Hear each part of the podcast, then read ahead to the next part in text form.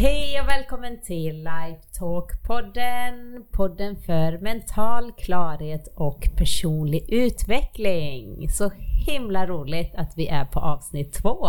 Ja, redan! Andra avsnittet och Ja. nu är vi på G. Det är vi verkligen. Eh, Anders, vi har fått in massor av frågor. Ja, vi går bara rakt på rödbetan. Här kommer frågorna. Nej, det var faktiskt inte det jag skulle säga. Men jag skulle bara säga att vi har fått in väldigt många frågor. Och ni som sitter och lyssnar nu och tänker, men jag har ju också frågor. Kom ihåg, gå in på lifetalkpodden.se och där kan ni skicka era frågor direkt. De hamnar alltså direkt i min inkorg. För det är det som är grejen. Anders vet inte vilka frågor jag har tagit fram och plockat ur. Som jag ska ställa till honom nu under den här Nej, podden. det är som vanligt spänd förväntan att se om man kan eh, komma med något av värde så här när man får den rakt eh, ifrån er som lyssnar. Precis. Tack också för alla fina recensioner och ja, det, det är jättekul verkligen. Ja, om du gillar det här så vill vi gärna påminna om det. Gå gärna in på podden och eh, ge den eh, de stjärnor du tycker att den ska ha. Och vi tycker ju fem naturligtvis, men eh, vi är jättetacksamma för om ni går in och recenserar och tycker till om den så att fler kan hitta fram. Absolut. Och jag fick också några tips där att min mikrofon lät inte riktigt, eller min mikrofon, jag ska inte skylla på mikrofonen, min röst. Vi har faktiskt var- samma och likadana mikrofoner i varje fall har vi. Jag, skyll, jag skyllde på mikrofonen. Nej, jag förstod nog och jag lovar att jag ska bättra mig. Jag har lite svårt att sitta still. Anders, stämmer Ja. det? Ja, det har du. Jag är inte så bra på det annars heller, men när jag väl får en mikrofon framför munnen så tänker jag ju att det är nog bäst att hålla munnen någorlunda Ja. där. Så är det. Du, du är van och du kör mycket så här Zoom-meetings och du kör mycket webbinarium och Spelat in Så. CD-program i studio framför den där lilla mikrofonen och så, så man lär ju sig lite av proffsen som man har varit eh, med. Bland annat för min del då så var det Erik Strömblad som numera har något som heter Mindit. Där jag spelade in mina första när man stod och tittade in i en liten glasskiva där han och producenten satt och man kände liksom, vad ska jag säga här i 6-7 timmar. Men eh, det gick ju bra det också. det, vi har ju sålt mycket av de där CD-programmen. Men så tack eh, proffset här nu, då har jag fått lite, lite tips här och prata lite snett inifrån.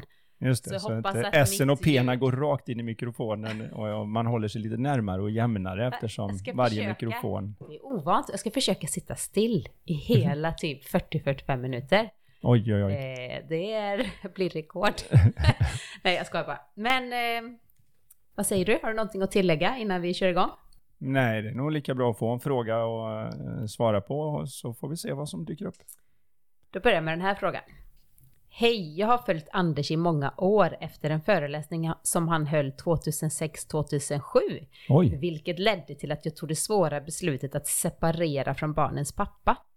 Nu har jag tagit beslutet att skilja mig från en man med grava alkoholproblem. Min fråga, hur hämtar jag kraft och mod att våga möta en ny man? Är livrädd? ja, det här är ju vad vi alla har kanske svårast för. Men jag ska ta det här lite antropologiskt till att börja med, så att jag svarar inte direkt på frågan, men jag hoppas det kan vara intressant.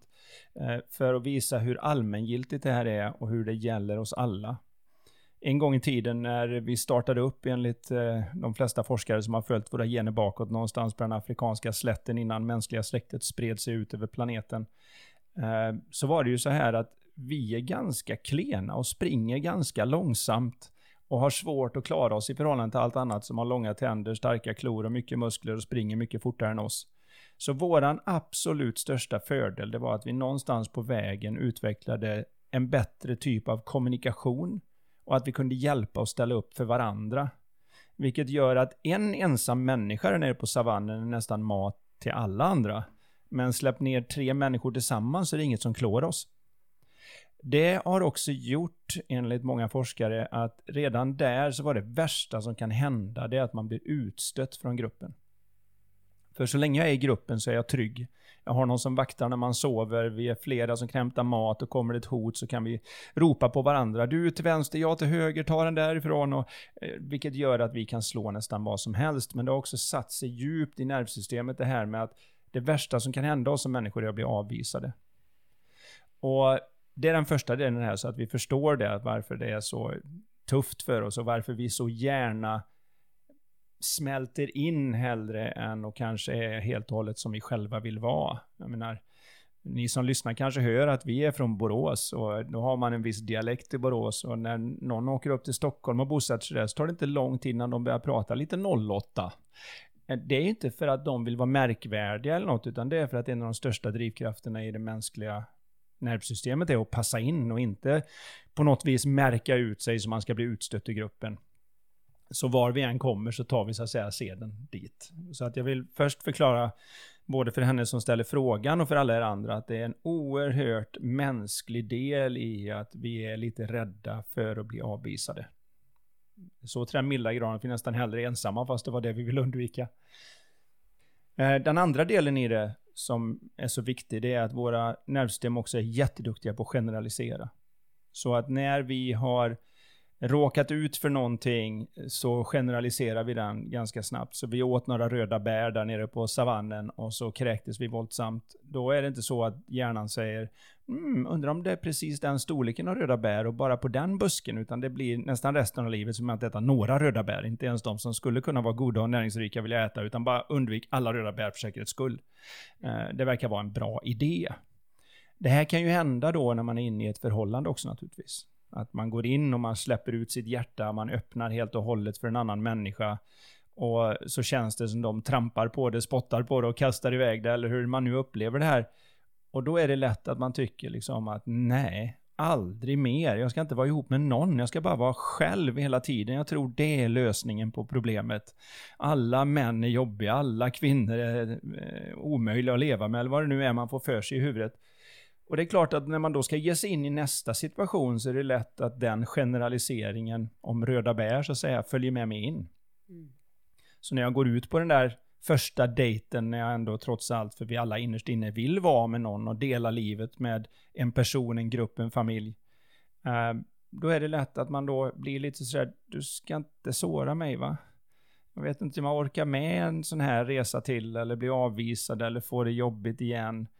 Och när vi beter oss så försiktigt och annorlunda när vi kommer in, och jag vet inte om det här är en bra förklaring, men det är lite grann som att alla ni som lyssnar på det här har förmodligen gått på ett golv idag.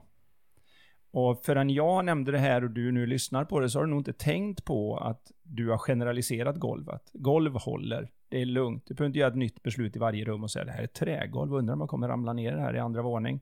Och det här är cementgolv, hur gör jag nu? Eller, åh, plastmatta, gud vad jobbigt.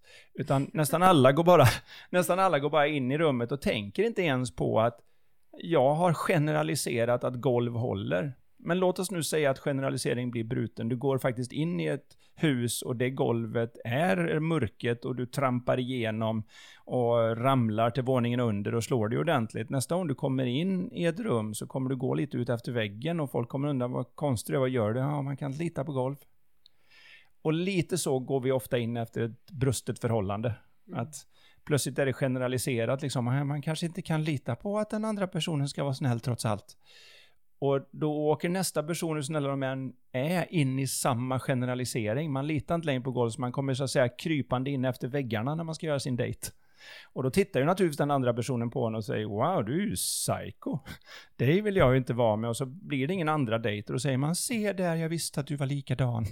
Så man, blir, man fastnar i en självuppfyllande profetia. Och första steget här är ju att hjärtat går ju ut till någon som går igenom det här som hon har gjort. Eh, både vad det innebär att vara i det förhållandet och lämna det. Och det är just att se det att man måste på något vis trots allt försöka ta varje situation ny och fräsch. Mm. Och se att det enda som hindrar mig från det, det enda som är i vägen för det, är mina tankar om vad som redan har hänt, som jag spelar upp igen i den här stunden och tar dem på allvar så att de hindrar mig från att kunna se att den här personen nej, har inget med den andra att göra. Men det här är inte enkelt på minsta sätt, det är därför jag vill ta upp det. Men det räcker ju att någon var taskig mot dig när du var sju år gammal och den personen heter Jennifer och så 20 år senare när du är 27 så kommer någon fram och du säger hej, vad heter du? Och så säger de hej, jag heter Jennifer och då blir du genast så här, jag vet vad du är för en. Eh, hela nervsystemet liksom kommer ihåg det här och så får den stackaren som råkade då ha begått det fantastiska brottet och bli döpt till Jennifer också, få ta hela smällen av ditt tankepaket om mm. den som var taskig mot dig när du var sju. um, så det är väl det jag kan säga är att man, man får se det här, för utan att se att man får komma ny och fräsch så blir det svårt. Då får man bara använda mod och försöka... Och det är det hon skriver här, min fråga, hur hämtar jag kraft och mod? Ja. Och då är det ju egentligen det att inse att hon egentligen inte behöver mod. Nej, för egentligen är det så här att varje gång en människa ber om mod så är det ju för att de är rädda. För det är bara när jag är rädd som jag behöver mod. Och om hon på något vis kan se att hon kan lita på sina egna sinnen och gå ut på en dejt med någon och öppet ta sig an dem och sen göra bedömningen när det är en trevlig människa eller inte en trevlig människa eller vad det nu än är. Mm. Eh, och antingen säga ja tack en gång till eller när det räcker där. Och att det är så man startar upp liksom. Då kan hon orädd ta sig an det. Och när man orädd tar sig an något, då behöver man inte mod. Och, och det kan vara något stort att se. Att du vill mycket, mycket hellre leva så att du orädd tar dig an saker än att du går omkring och är rädd för en massa och det kräver mod hela tiden för att göra någonting. För då le lever du hela livet som livrädd. Och, och då är man i ett fäng egenkonstruerat fängelse som man inte ens vet att man är i och det är fruktansvärt svårt att bryta sig ur. Så det här är mitt sätt från hjärtat att se om den här personen, om hon lyssnar nu på svaret på sin fråga, eh, kan, kan se det här att eh, hon kan ta sig an det nytt och fräscht och bedöma situationen utifrån vad den är nu och inte ha med hela det där bagaget som är så lätt att lägga som en sordin på, på nästa. Jag tänker också det bara, tänk vad stark person att också då beslutat att skilja sig från den här mannen här med alkoholproblem. Det är också en styrka. Hon har tagit sig vidare och hon uppenbarligen nu då lite redo att träffa någon ny. Och nu hoppas jag att hon är än mer redo. Ja, jag hoppas ju verkligen det för att eh, har man missat med två stycken som man har lagt ut hjärtat med, om du ska kalla det att missa, så är det ju lätt att känna att då har jag inte träffat the one än. Men jag vill ju påstå att det finns många man kan passa ihop med där ute, precis som man kan ha många lekkamrater när man är liten.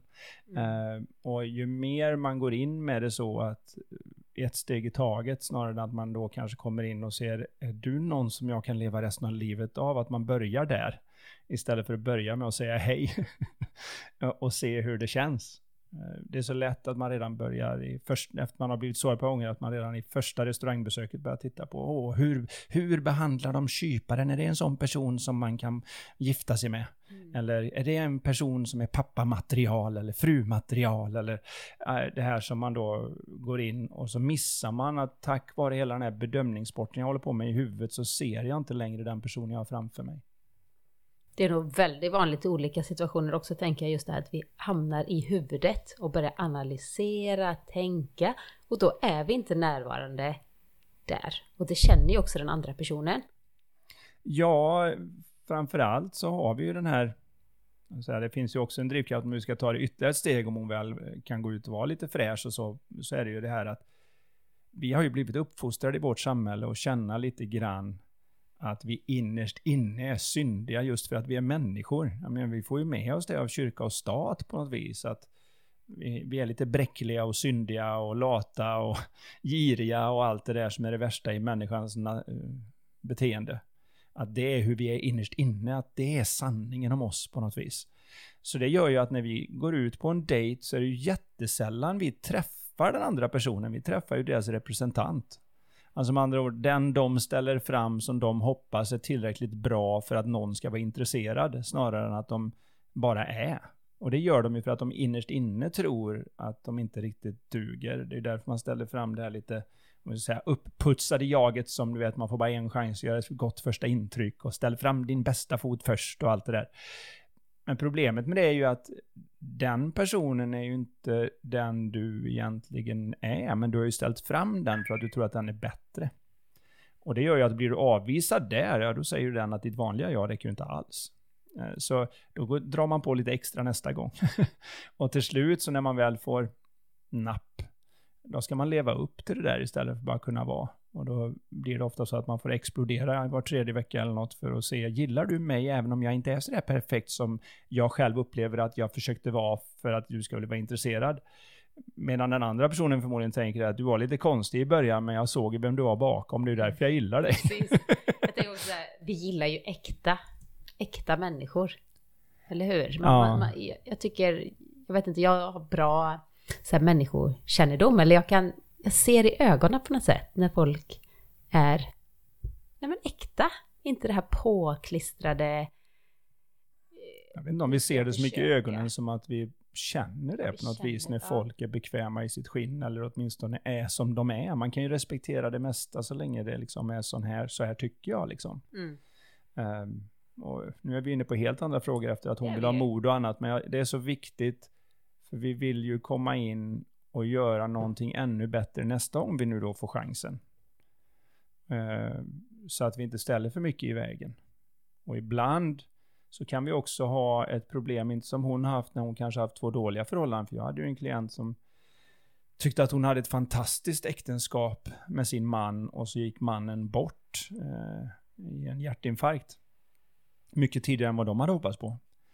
Och eh, efter att ha sörjt och till slut vågat se ut på marknaden igen så träffade hon en ny man. Men hon tyckte ju då hela tiden att den här mannen var ju inte riktigt lika bra som den här drömmannen hon hade varit med. Mm. Och när jag satt och coachade henne så efter ett tag så bara slog det mig när jag hörde hur hon pratade om det. Så sa jag det, nu tycker jag att du jämför äpplen och päron. Liksom. Och då sa hon, hur menar du då?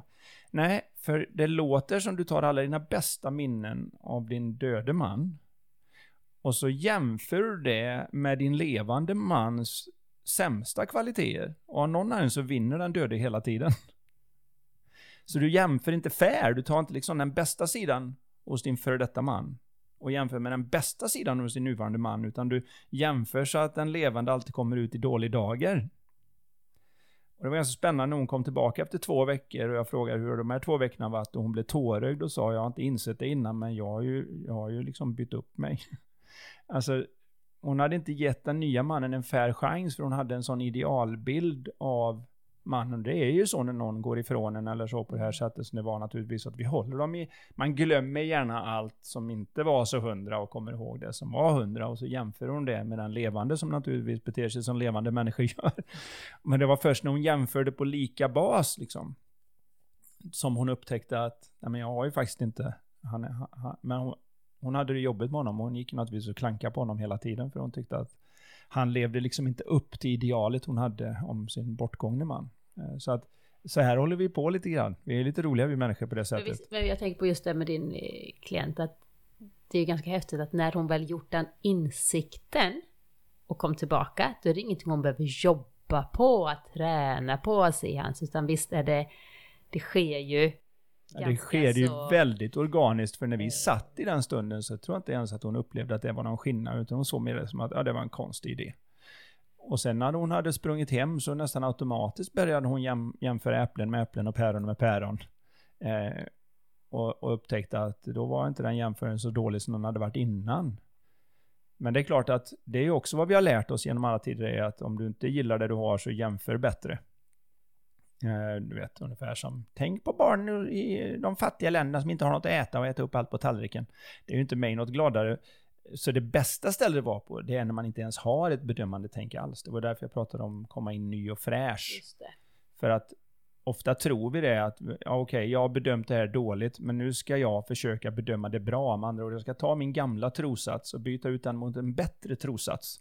Så att det här var inte så dåligt som jag trodde, det är faktiskt bra. Mm. Istället för att se att då är du inne i en bedömningstänk som alltid gör att humöret sjunker.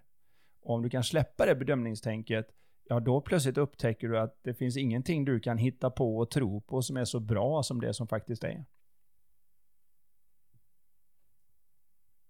Det blir alldeles tyst där. Det var bra. jag bara sitter och bara, mm. gud vad bra. Jag kanske ska, vad säger du Anders, ska jag ta en ny fråga eller? Ja, vi svävar ju ut ganska bra på den där första, så vi får se hur det här går. Men du, jag kom på också, vi sa aldrig, eller hur, i presentationen att jag är då Karin Haglund. Och jag sa, nu har ju du, jag har sagt Anders till dig, men du är alltså Anders Haglund. Och vi är alltså gifta med varandra och driver eh, Life Vision ihop. Ja, Och jobbar med ledarskap och kurser, hälsa, prestationspsykologi, coaching. just det. Det är ju oerhört proffsigt av oss. Vi är ju så mycket i tv-studion så att vi, vi direkt kan hålla i det här och Eller presentera hur? oss på rätt sätt. Nästa avsnitt tre så kommer presentationen direkt från start. Start. Nej. Ja, just det. Så att vi alltid har en bra tag direkt. Ja. Nej, jag, bara, jag tror att ni kanske vet vilka vi är. Men om ni inte gör det så vet ni det nu. Då tar vi en ny fråga. Den lyder så här. Hej Anders och Karin. Så roligt och bra att ni börjat podda ihop. Jag vill också jobba som coach och föreläsare. Anders, vad är dina tips för att lyckas och hur vet man om man är ämnad för jobbet? Oh, wow. Det är ju stora frågor. Det är ju de här som vi alla känner lite grann. Hur ska jag veta vad jag ska göra? Jag vill nog påstå att eh, det här är någonting som vecklar ut sig mera än att det är förbestämt. Jag fick den frågan en gång på ett seminarium. Liksom. Jag vill göra vad du gör. Hur gör man för att bli som du? Eh, och då kunde jag inte låta bli att säga något i stil med att ja, när man är liten så har man en pappa som spelar fotboll och man vill själv bli fotbollsproffs. Man jobbar på allt man kan med det. Upptäcker att tennis är kul och tränar lite tennis. Och så har man en mamma som tycker att man ska bli lärare. Och så blir man överkörd av en buss och inget av det kan bli av. Så man får börja med en sport man inte direkt gillar, vilket är golf, och upptäcker att den är helt fantastisk. Så man gör den hela dygnet om tills man går ner till scratch på några år och sen blir Europamästare i det. Och när man blir det så får man åka hela världen runt och träna med en massa, träffa en massa spännande människor som kan en massa saker, ambassadörer, eh, statsledare, alla möjliga och andra människor som jobbar med sig själva på olika sätt. Och sen upptäcker man att, vänta här nu lite grann, eh, det skiljer så mycket på hur jag är ena dagen mot den andra dagen, så det måste pågå något mellan mina öron, så man börjar läsa hundratals böcker om prestationspsykologi istället för att man helt själviskt blir, blir ännu bättre på att försörja sig på att spela golf. Och därefter så kommer man på att det är roligare att se när någon annan glittrar till i ögonen för att de fick en idé av allt det man har satt i sig på den här färden och upptäcker att det inte alls lika kul att göra en birdie längre, så man slutar med det och börjar föreläsa och starta ett helt nytt företag och på den enkla vägen är det. Så... Hoppas du skri- hade penna och papper och skrev Ja, hoppas du hade penna och papper och skrev ner vad du skulle göra, men kastade inte under bussen. Det var knappt att jag överlevde det, så att eh, den var ingen bra idé. Men, men vad jag menar med det är helt enkelt att livet vecklar ut sig lite mer än det är förutbestämt och designat. Eh, och om du följer ditt hjärtas röst när du är i balans och lite mer harmonisk, så brukar det till och med kunna bli bättre än vad dina planer skulle kunna vara. Och därmed inte sagt att det skulle vara något fel på att sätta upp planer och annat. Det är inte det jag säger på minsta sätt. Det finns de som lyckas på det sättet också. Men att veta om man är ämnad och annat. Börja. Det finns liksom... Jag, jag är lite känd för att jag har sagt den här att du behöver ju faktiskt inte vara världsmästare för att börja. Men du måste börja för att bli världsmästare. Och allting som är värt att göra riktigt bra, det måste man göra dåligt i början. Så det är den här rädslan för att, ah, men jag vet inte om jag kan prata engelska. Ja ah, men hoppa in och försök liksom. Och samma med det här. Hur ska du veta innan om du inte har doppat tårna vi vet ju liksom inte våra talanger innan vi är där. Man kanske, det kanske är så att hon som frågar här, hon är ja, ungefär som ett sjölejon är med bollar. De har aldrig sett en boll i naturen någonsin, men det visar sig på cirkus om du slänger in en boll och så kan de liksom boing, boing, boing, boing jonglera med den. Någonting med hur deras koordinationssystem fungerar för att fånga fisk är kanon för att hantera bollar. Eh, men vem vet liksom? Det kanske är så att du kastar in en gitarr till en björn och så är de grymma bara. Eh, vem vet vad vi har för talanger? Men om du inte provar så får du inte veta vad som passar. Och sen är det ju det här enkla att ju mer du tränar, ju mer upptäcker att du kan. Våra hjärnor är fantastiskt plastiska. Och bara genom att jag sitter här nu och försöker från hjärtat uttrycka några svar på de här frågorna. Om vi skannar min hjärna efter den här podden så ser den inte likadan ut som den gjorde när jag satte mig ner. Det har skapats miljarder nya kopplingar bara för att man ska försöka svara på någonting och man har nya eh, infallsvinklar och plötsligt så händer det grejer som jag inte kunde göra innan jag hade tänkt de sakerna. Det här är ju likadant när man sätter sig och till exempel då spelar på ett piano och lär sig om och om igen och röra fingrarna på ett visst sätt. Till slut så behöver man inte tänka på det och så tycker alla vad fantastisk du är. När jag väl är det, var jag ämnad för det? Eh, jag tycker ibland så funderar vi för mycket på det. Jag menar min pappa Spelade en gång i tiden i Elfsborg fotboll. Det första jag fick när jag var liten var en boll. Eh, så min hjärna lärde sig att vara bra på bollar. Självklart. Det kallar man bollsinne. Eh, Jag fick ingen boll av min pappa eller mamma. Någonsin nej. nej och, och, Så jag kan skylla på det. Du får skylla på det när man inte kan, riktigt kan fånga bollen när den kommer. Men, men vad jag menar är det, hade min pappa varit någon form av världsberömd violinist och det första jag hade fått var en fiol, så jag säger inte att jag hade blivit en världsberömd violinist, men nog 17 hade jag varit ganska hygglig på att spela fiol. Eh, om jag var ämnad för det eller inte, det vet jag inte. Det är för stort att säga. Men vad jag menar är bara, om du känner ett intresse av det här och du vill in och coacha och hjälpa och bidra med värde, gör det då till det bästa av din förmåga, men inse liksom att du kommer naturligtvis inte vara världsklass direkt. Utan det är ju någonting man utvecklar. Jag har varit professionell coach nu i 23 år. Eh, suttit eh, bokstavligen dagligen med människor med svåra problem, lätta problem, utmaningar och annat. Och ibland så tittar jag bara och tänker, jag har ingen aning vad jag ska göra med detta. Eh, men jag vet också att om jag sitter med det en stund och inte försöker så förbenat, så brukar det till slut kunna mötas människa till människa och säga låt oss se vad vi kan hitta på här och vad som är sant och vad som fungerar istället för att jag kommer med någon teori. Mm. Eh, och som du delar från hjärtat där du står istället för att försöka hitta något coolt att säga eller någonting som du har läst någonstans, utan se till att det kommer från dig. Det är vad människor behöver. Vi är tillbaka i äktheten där. att Jag vet inte vad jag ska säga, men eh, när jag står utanför så känns det som att det här vore en grej för dig.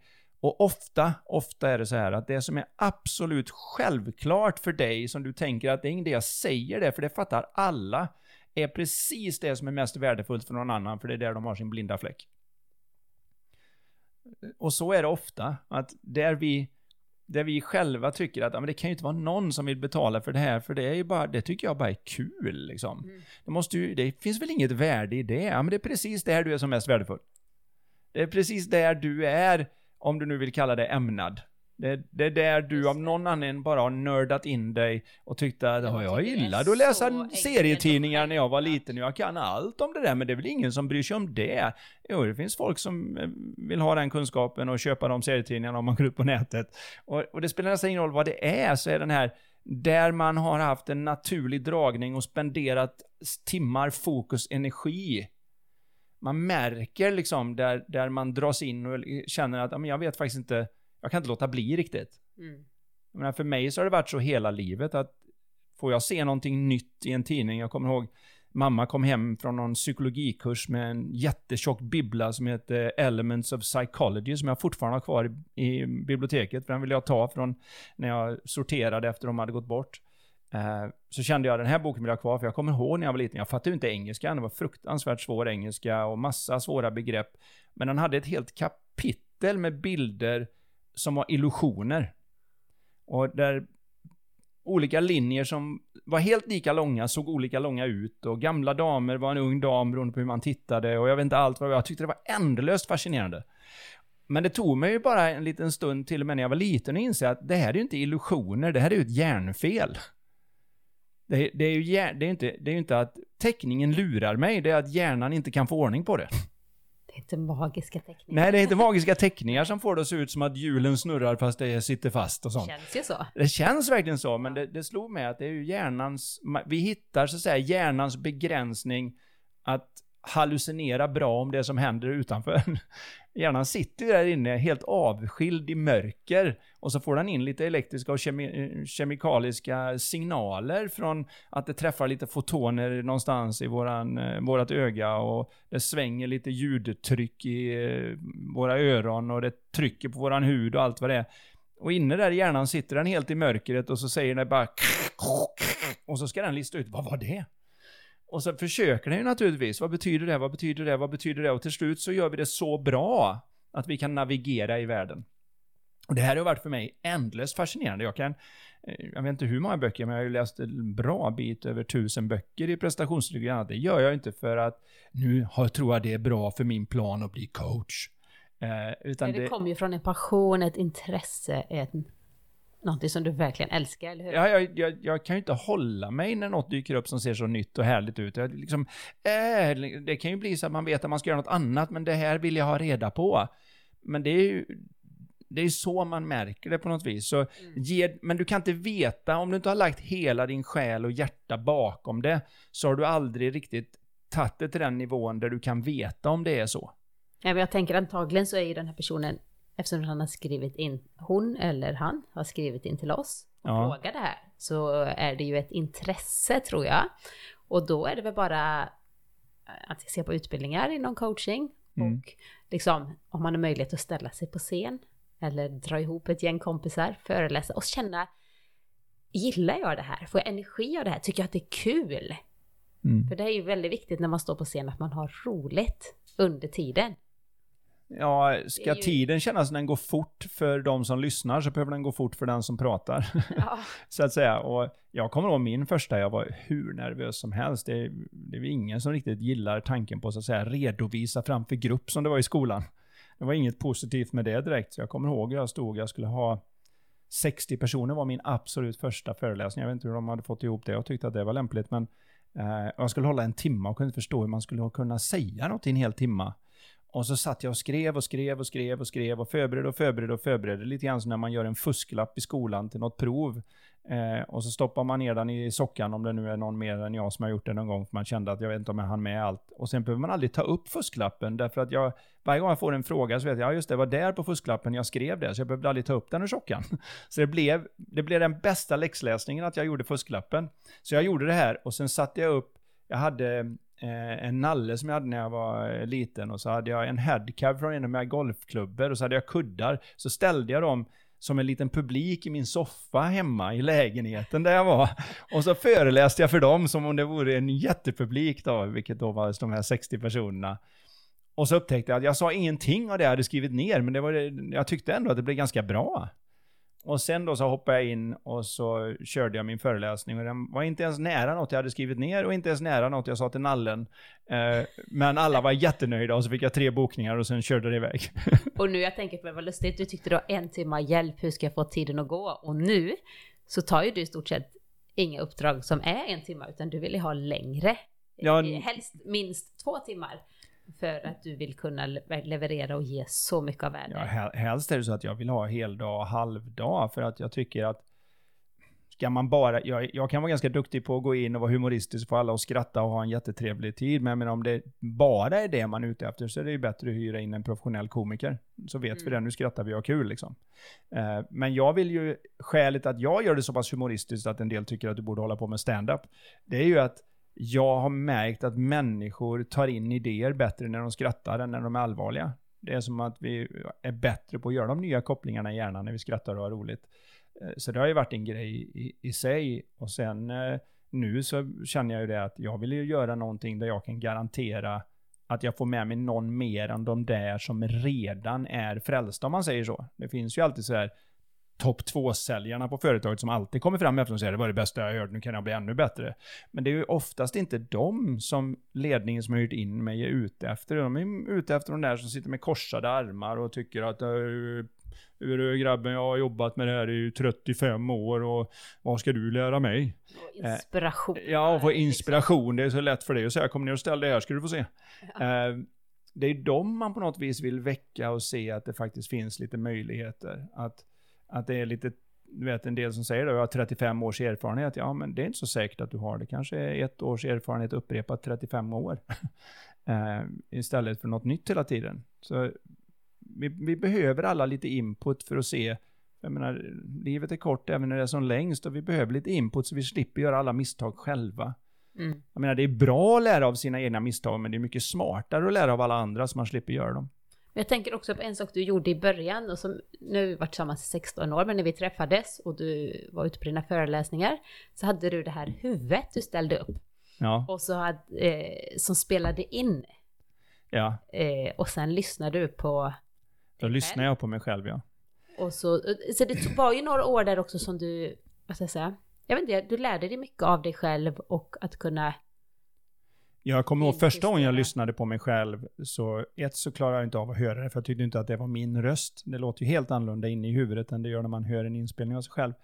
Och två, så upptäckte man ju då vad man sa om och om igen som okej, okej, okej, eller liksom, liksom, liksom, liksom, eller här, här. Eh, och vet, man hör ju det, man blir så självmedveten som man, man nästan inte vill, men jag verkligen, jag ska inte säga tvingade, men jag, jag verkligen fick mig själv att lyssna igenom hela för att få en feedback-loop där jag kunde se att det där exemplet gick hem, det hörde jag liksom. Det, alla skrattade det, och där var det någon som sa någonting och där märkte jag att jag var renare, den kan jag säga lite bättre. Och jag höll på hela tiden och gjorde det här, så jag, jag spelade in varenda föreläsning jag gjorde, alltså själv hade med mig inspelningsutrustning. Spelade in mina egna föreläsningar, i varje fall de första 15 åren så var jag missade jag inte att spela in en enda föreläsning och lyssna på allihop själv. I slutet där så tror jag inte du lyssnade på dem, eller hur? Du vet, innan du slutade med det. Ja. Du hade gjort det så mycket så att det var bara själva grejen att du sätter upp, spela in, för jag har ju de alla, det var ju såna här, vad heter de banden? Ja, det är mera som en liten minidisk lite fanns det då. minidisk, ja. Och, och i slutet där så blev det ju att du inte kanske lyssnade. Du behövde inte det. Jag tror att du blev så bra på att Det blev mer att jag lyssnade när jag visste att jag antingen hade fått med något väldigt, väldigt bra, Just som jag det. tänkte att där kom något helt nytt och fräscht som jag aldrig använt förut för jag svarade på en fråga eller någonting. Och då tog jag bara en titt på klockan och så gjorde jag så att jag gick tillbaka och så lyssnade jag igenom den lilla sektionen. Eller om jag kom på mig själv med att nu blir jag nog lite repetitiv eller nu använder jag inte rösten på rätt sätt så gick jag tillbaka och lyssnade på den för att få lite feedback så att säga hela tiden. Och det är också en sån här nördig grej som jag inte vet hur många som gör. Och sen kommer folk och säger åh det är så lätt att lyssna på dig eller vad det är. Ja men jag satt ju till har och med, verkligen övat. ja men jag satt ju till och med med ett oscilloskop. Alltså för mig då som är utbildad ingenjör och annat så hade jag alltså ett oscilloskop där du kan titta på hur jämna vågor din röst gör. Och då satt jag och övade på att kunna säga ah, o, så att de blev jämna vågor. För att jag visste att om det blir för taggiga vågor så är inte det skönt mot huden på den som lyssnar. Och då utlöser det någonting som heter kognitiv dissonans hos personen. Det är därför vi har svårare att lyssna om inspelningen är dålig eller det låter väldigt mycket "Äh, äh, Jag har en bra idé här och äh, jag skulle vilja dela med mig av all min livskunskap. Eh, direkt när det händer så är det någonting som utlöses i hjärnan som gör att vi känner oss inte lika bekväma. Och när jag fick reda på att det var så, det var en av de böcker jag läste, det stod det att folk har lättare att lyssna på en harmonisk, behaglig röst. Ja, då satte jag mig direkt och började träna med oscilloskopet för att se om jag kunde få min röst att bli mer behaglig och harmonisk. Och jag vet inte, det är väl inte alla som håller på sådär. Eh, Men jag, jag blir intresserad och när jag ser någonting i en bok som jag verkligen gillar, då har jag kört igång och gjort det. Det är inte alltid att jag håller igång den under så att säga, för många år, men jag, jag kastar mig in och testar och ser om det blir bättre. Och sen så följer vissa delar av det med mig för alltid, naturligtvis. Men det är som att om man att håller... du gör det, tänker jag. Det kommer från den här passionen och också din nyfikenhet som du alltid har haft. Ja, ja du- jag har du varit passionerat intresserad av hur hela universum funkar egentligen. Mm. Och sen så har jag blivit väldigt intresserad i det, för de enda som upplever att det ens finns ett universum, vad vi vet, är ju vi.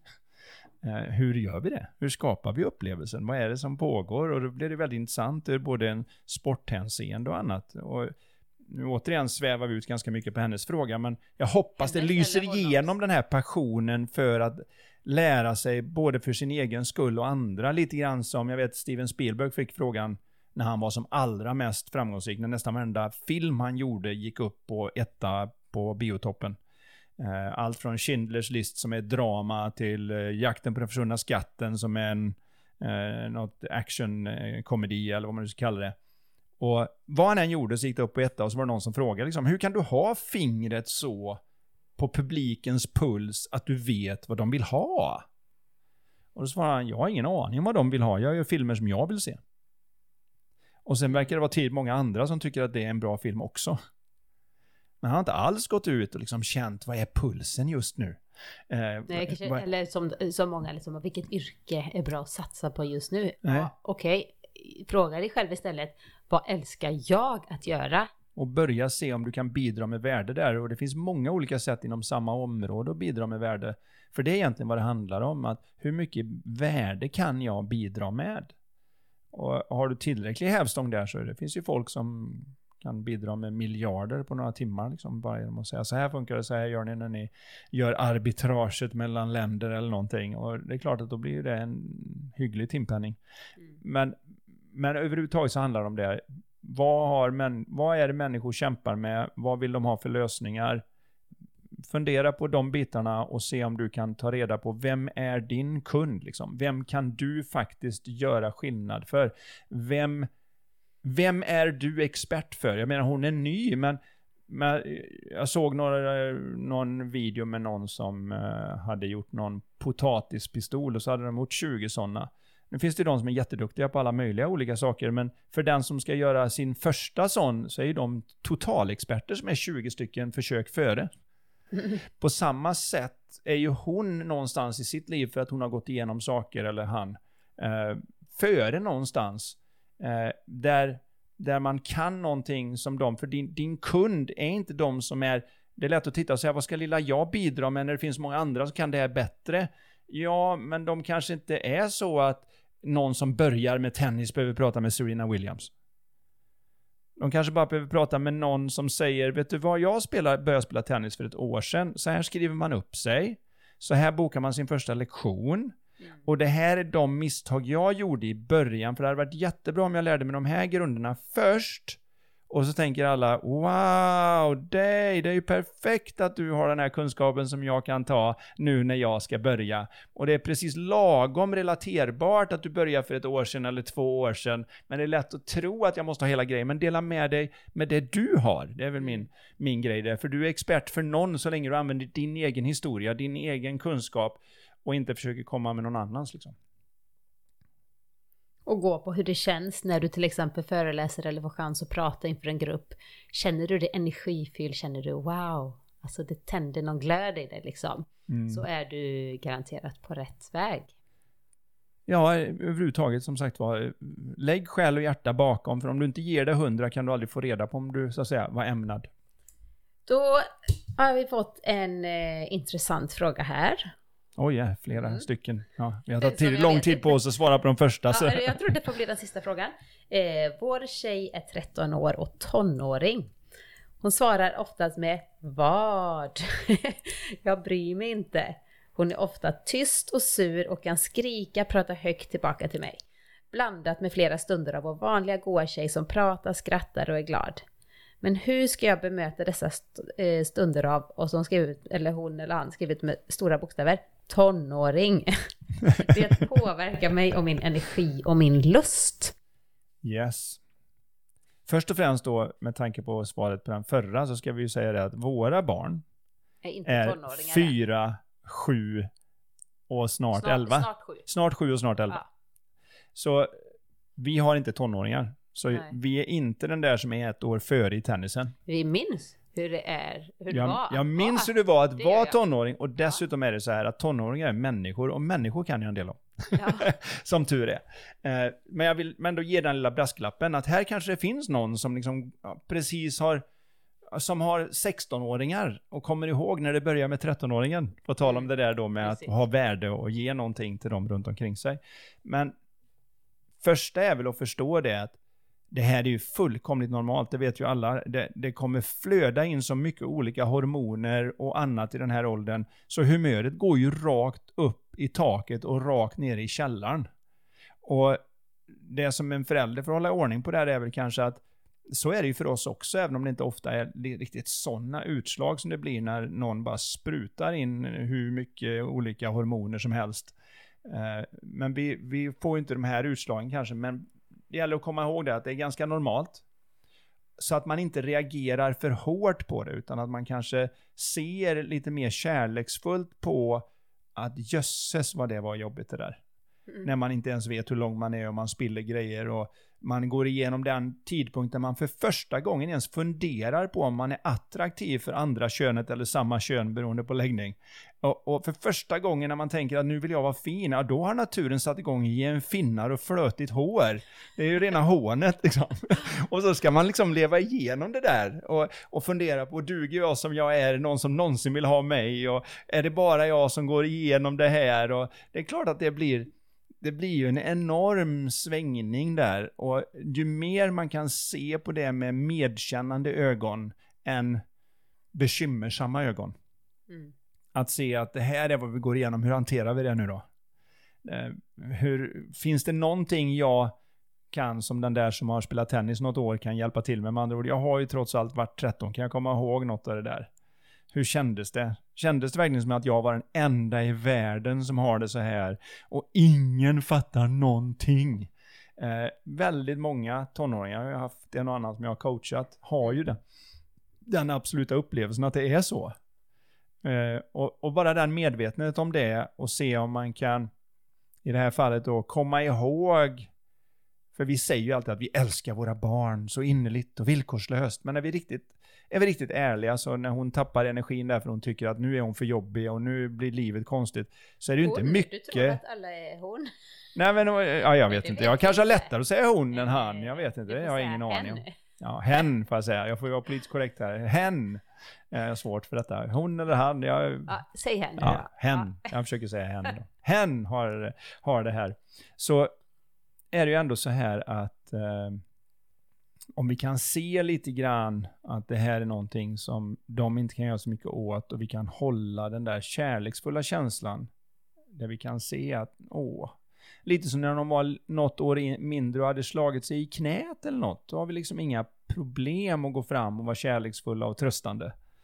Medan när de nu så att säga har slagit sig i, självkänslan och stukat hjärnan, eller vad vi ska kalla det, så, så har vi svårare att se det och är kanske inte riktigt lika omhuldande och förstående och annat. Det vet ju vi bara med våra tre barn att ibland så tänker man ju bara liksom, kan inte ni låta våran vardag vara lite lättare? Ja, men jag tänker också hur viktigt det är att själv vara, som vi pratade om mycket förra avsnittet, mental klarhet och att själv känna att okej, okay, man har ätit bra, man är utvilad, man mår så att säga hyfsat bra i sig själv. Då är det väldigt mycket lättare att hantera en trotsig tonåring eller någon som skriker. Mm. Om du själv har varit vaken på natten, alltså sovit dåligt, du har ätit dåligt, du har stressat, du har bröstandats, det jobbar jag mycket med, så jag jobbar med hälsa. Att lära, lära oss att liksom återknyta med rätt andning. Så du är dränerad på energi redan innan den här tonåringen kommer och säger va? Alltså ja. då kan det ju explodera och vad vill en tonåring? Vill de att mamman eller pappan, hen, ska bara liksom skrika åt dem? Nej, det triggar ju dem ännu mera. Jag tänker som man, för att kunna behålla sitt lugn så är det i alla fall bra om de här förutsättningarna det var väl någon känd eh, filosof som sa att all kommunikation är ett skrik på kärlek eh, innerst inne.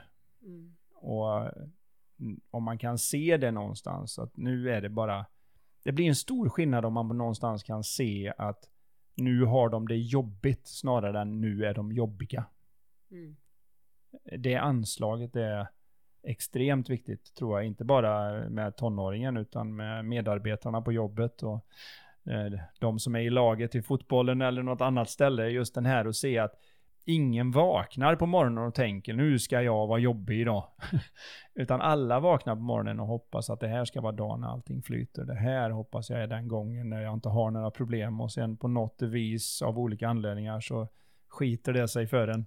Men, men om man kan se det mänskliga i det och, och på något vis vara med om att ja, men det här är det här är någonting där de, där de skriker efter och känna att kan någon bara förstå hur illa jag har det liksom att nu, just nu har det jobbigt. Så att du kan adressera den bakomliggande mentala obalansen snarare än att ge dig på beteendet. Och egentligen, det kanske inte ens är mental obalans, det kanske bara är en hormonell, alltså det är naturlig utveckling också. Ja, att men vi vet ju, ju att även hormoner kan skapa en mental obalans ja, och det är ju den som syns och så. Men, det, men oavsett om man kan se det, det är en väldig skillnad när man träffar på Säg att du har någon du verkligen har varma känslor för och de har det jobbigt så kommer du ju vara liksom, åh vad är det? Om du träffar på någon som har det jobbigt som du kanske inte har så varma känslor för så är det, vad är det med dig? och anslaget det här är så viktigt att man kommer in i. Och, och, det är väl kanske det största jag kan säga där, är att någonstans komma in och se att så här gör ingen, det finns inga människor som mår riktigt bra som beter sig illa. Och det innebär att när du ser någon som beter sig jobbigt så har de det jobbigt. Och om du kan se det så är nästan alla vi människor innerst inne sådana att när vi ser en katt uppe i ett träd som inte kommer ner, en häst i ett dike som inte kan komma ur det, eh, någon som har trampat fel ute på stan och ramlat, så är våran innersta första reaktion är att springa fram och hjälpa till. Mm. Så om vi kan se det att de så att säga har, tonåringen här har ramlat och stukat sig eller ramlat och slagit sig eller fastnat i, i ett mentalt träd eller gått ner sig i ett sunkigt mentalt dike. Så, så är anslaget mer än där att eh, hur kan jag hjälpa till? Snarare än nu får du sluta jobba dig. Eh, vad ska vi göra? Jag känner mig hjälplös här och då, när jag känner mig hjälplös tycker jag det är jobbigt så jag vill att du skärper dig nu så att jag kan må bättre. Och även om vi kanske nästan skäms lite över att det är vår egentliga bevekelsegrund för varför vi vill att andra ska ändra på så när vi är därifrån så känner den andra personen det och sparkar bakut än mer. Så att och komma in i det med lite värme i den möjligaste mån man kan så ändrar sig allt snabbt. Bra Anders klokt och jag hoppas verkligen att det gav någonting. För eh, jag kan ju säga det att det finns inget så härligt som när man är lite på dåligt humör eller eh, jag är ganska så här, alltså jag är inte långsint av mig. Jag kan bli arg eller irriterad, det går fort, det går över fort. Men det är så härligt att du ganska ofta ser bara, oj, nu är det något. Och så bemöter du mig med kärlek med ömhet, med värme. Och då blir jag liksom, va? Var jag irriterad? Va? Alltså, det hade ju kunnat bli eh, slagsmål. det hade det inte. det hade kunnat eskalera. Om, ja, det är väldigt lätt att det eskalerar om man, om man bemöter någon med liksom, va? Eh, varför är du Sluta tjura liksom. Fattar så, du? Nu ska vi ha en trevlig kväll. Vad är det här? Men du kommer ju ofta säga, är det någonting liksom? Eller så du är så mjuk och låter mig bara, alltså det är ju fem minuter, sen är jag tillbaka, mitt sol, soliga jag. Det är bara på andra sidan som det känns mer som 20 minuter. men jag menar, vi är alla olika personligheter, alla olika människor. Eh, men som sagt var, att inte trigga igång varandra. Mm. Och lite mer medkännande i det att vi vi alla gör så gott vi kan. Mm. Vi har liksom inga, vi har inga onda avsikter, det är inte meningen. Vi bara känner känslor som inte vet vad vi ska göra med oss och nästan bara vi vevar omkring oss för att, att något ska hända liksom. Och ibland så träffar det helt fel. Och när vi kan se det mera oskyldiga i intentionen så är det också lättare att hålla sig själv neutral. För i samma stund som de kör igång en spiral och så kör man igång sin egen spiral, då är man ju två blinda höns. Och det kan man ju försöka minimera så mycket som det går i alla fall, så kommer vardagen bli lite, mycket enklare om man är lite varmare där ja. Du, nu sitter jag här, vi avslutar ju varje poddavsnitt med att dra en fråga från våra Lifetalk-spel. Det finns ett Lifetalk och så finns det ett Lifetalk 2. Mm. Och det får vi också väldigt fina recensioner. Det är ju typ bästa presenten att ge till folk som... som ja, när man går bort till någon och inte vill ge bort en vinflaska eller något så kan man lämna över ett lifetalk. Nej men absolut. Och det är 88 frågor i varje spel och de är olika då i båda spelen. Så nu sitter jag här med en, ska se vad det står på. Och då är tanken, jag läser denna och så tar ni med er och liksom filosoferar en stund över den här frågan. Mm. Se vad ni kommer fram till. Så ni läsare nu då, eller läsare, lyssnare. Om du var tvungen att tjäna ihop en miljon snabbt, vad skulle din största chans att klara av det vara? Den mm. är lite intressant, eller hur? ja, haft, säga, kanske väldigt... extra intressant i dessa tider när eh, många drabbas hårt av eh, dessa coronatider och annat. Det kan väl både kännas jobbig som fråga och spännande som fråga, men om man kan mm. ta sig en liten titt och se men nu var tvungen att göra det. Vad är min största chans? Lite så, det är en av de där coachande frågorna. Jag vet ju själv. Det är väldigt utvecklande som du var inne på det här med hjärnan, att man skapar nya, vad sa du? Ja, man har hjärnans plasticitet, så man skapar massa... Det var precis det jag... Ja, det var det du var ute efter. Satt och... och sökte efter. Ja, eh, Men man skapar en massa nya neuroner, synapser och annat där uppe som gör att man får nya kopplingar. Och det gör att de kopplingarna är ju sedan inte bara tillgängliga för det problem man löste, utan även för kommande problem. Vilket gör att man blir mer flexibel, kan se fler nya, tänka nytt och se fler lösningar och sånt. Så att det är ju därför det är så bra att hålla hjärnan igång. Mm. Ju mer man använder den, ju friskare är den. Lite som man, kroppen. Så är det verkligen. Då eh, tycker jag vi ska runda av för idag. Och tanken är ju då att varannan fredag kommer vi tillbaka med nya fräscha avsnitt, nya frågor. Så kom ihåg, skicka in era frågor till mig på lifetalkpodden.se. Och Anders, Ja. tack så mycket för idag. Tack för idag, vad kul det har varit. Jätteroligt. Yes! Hej!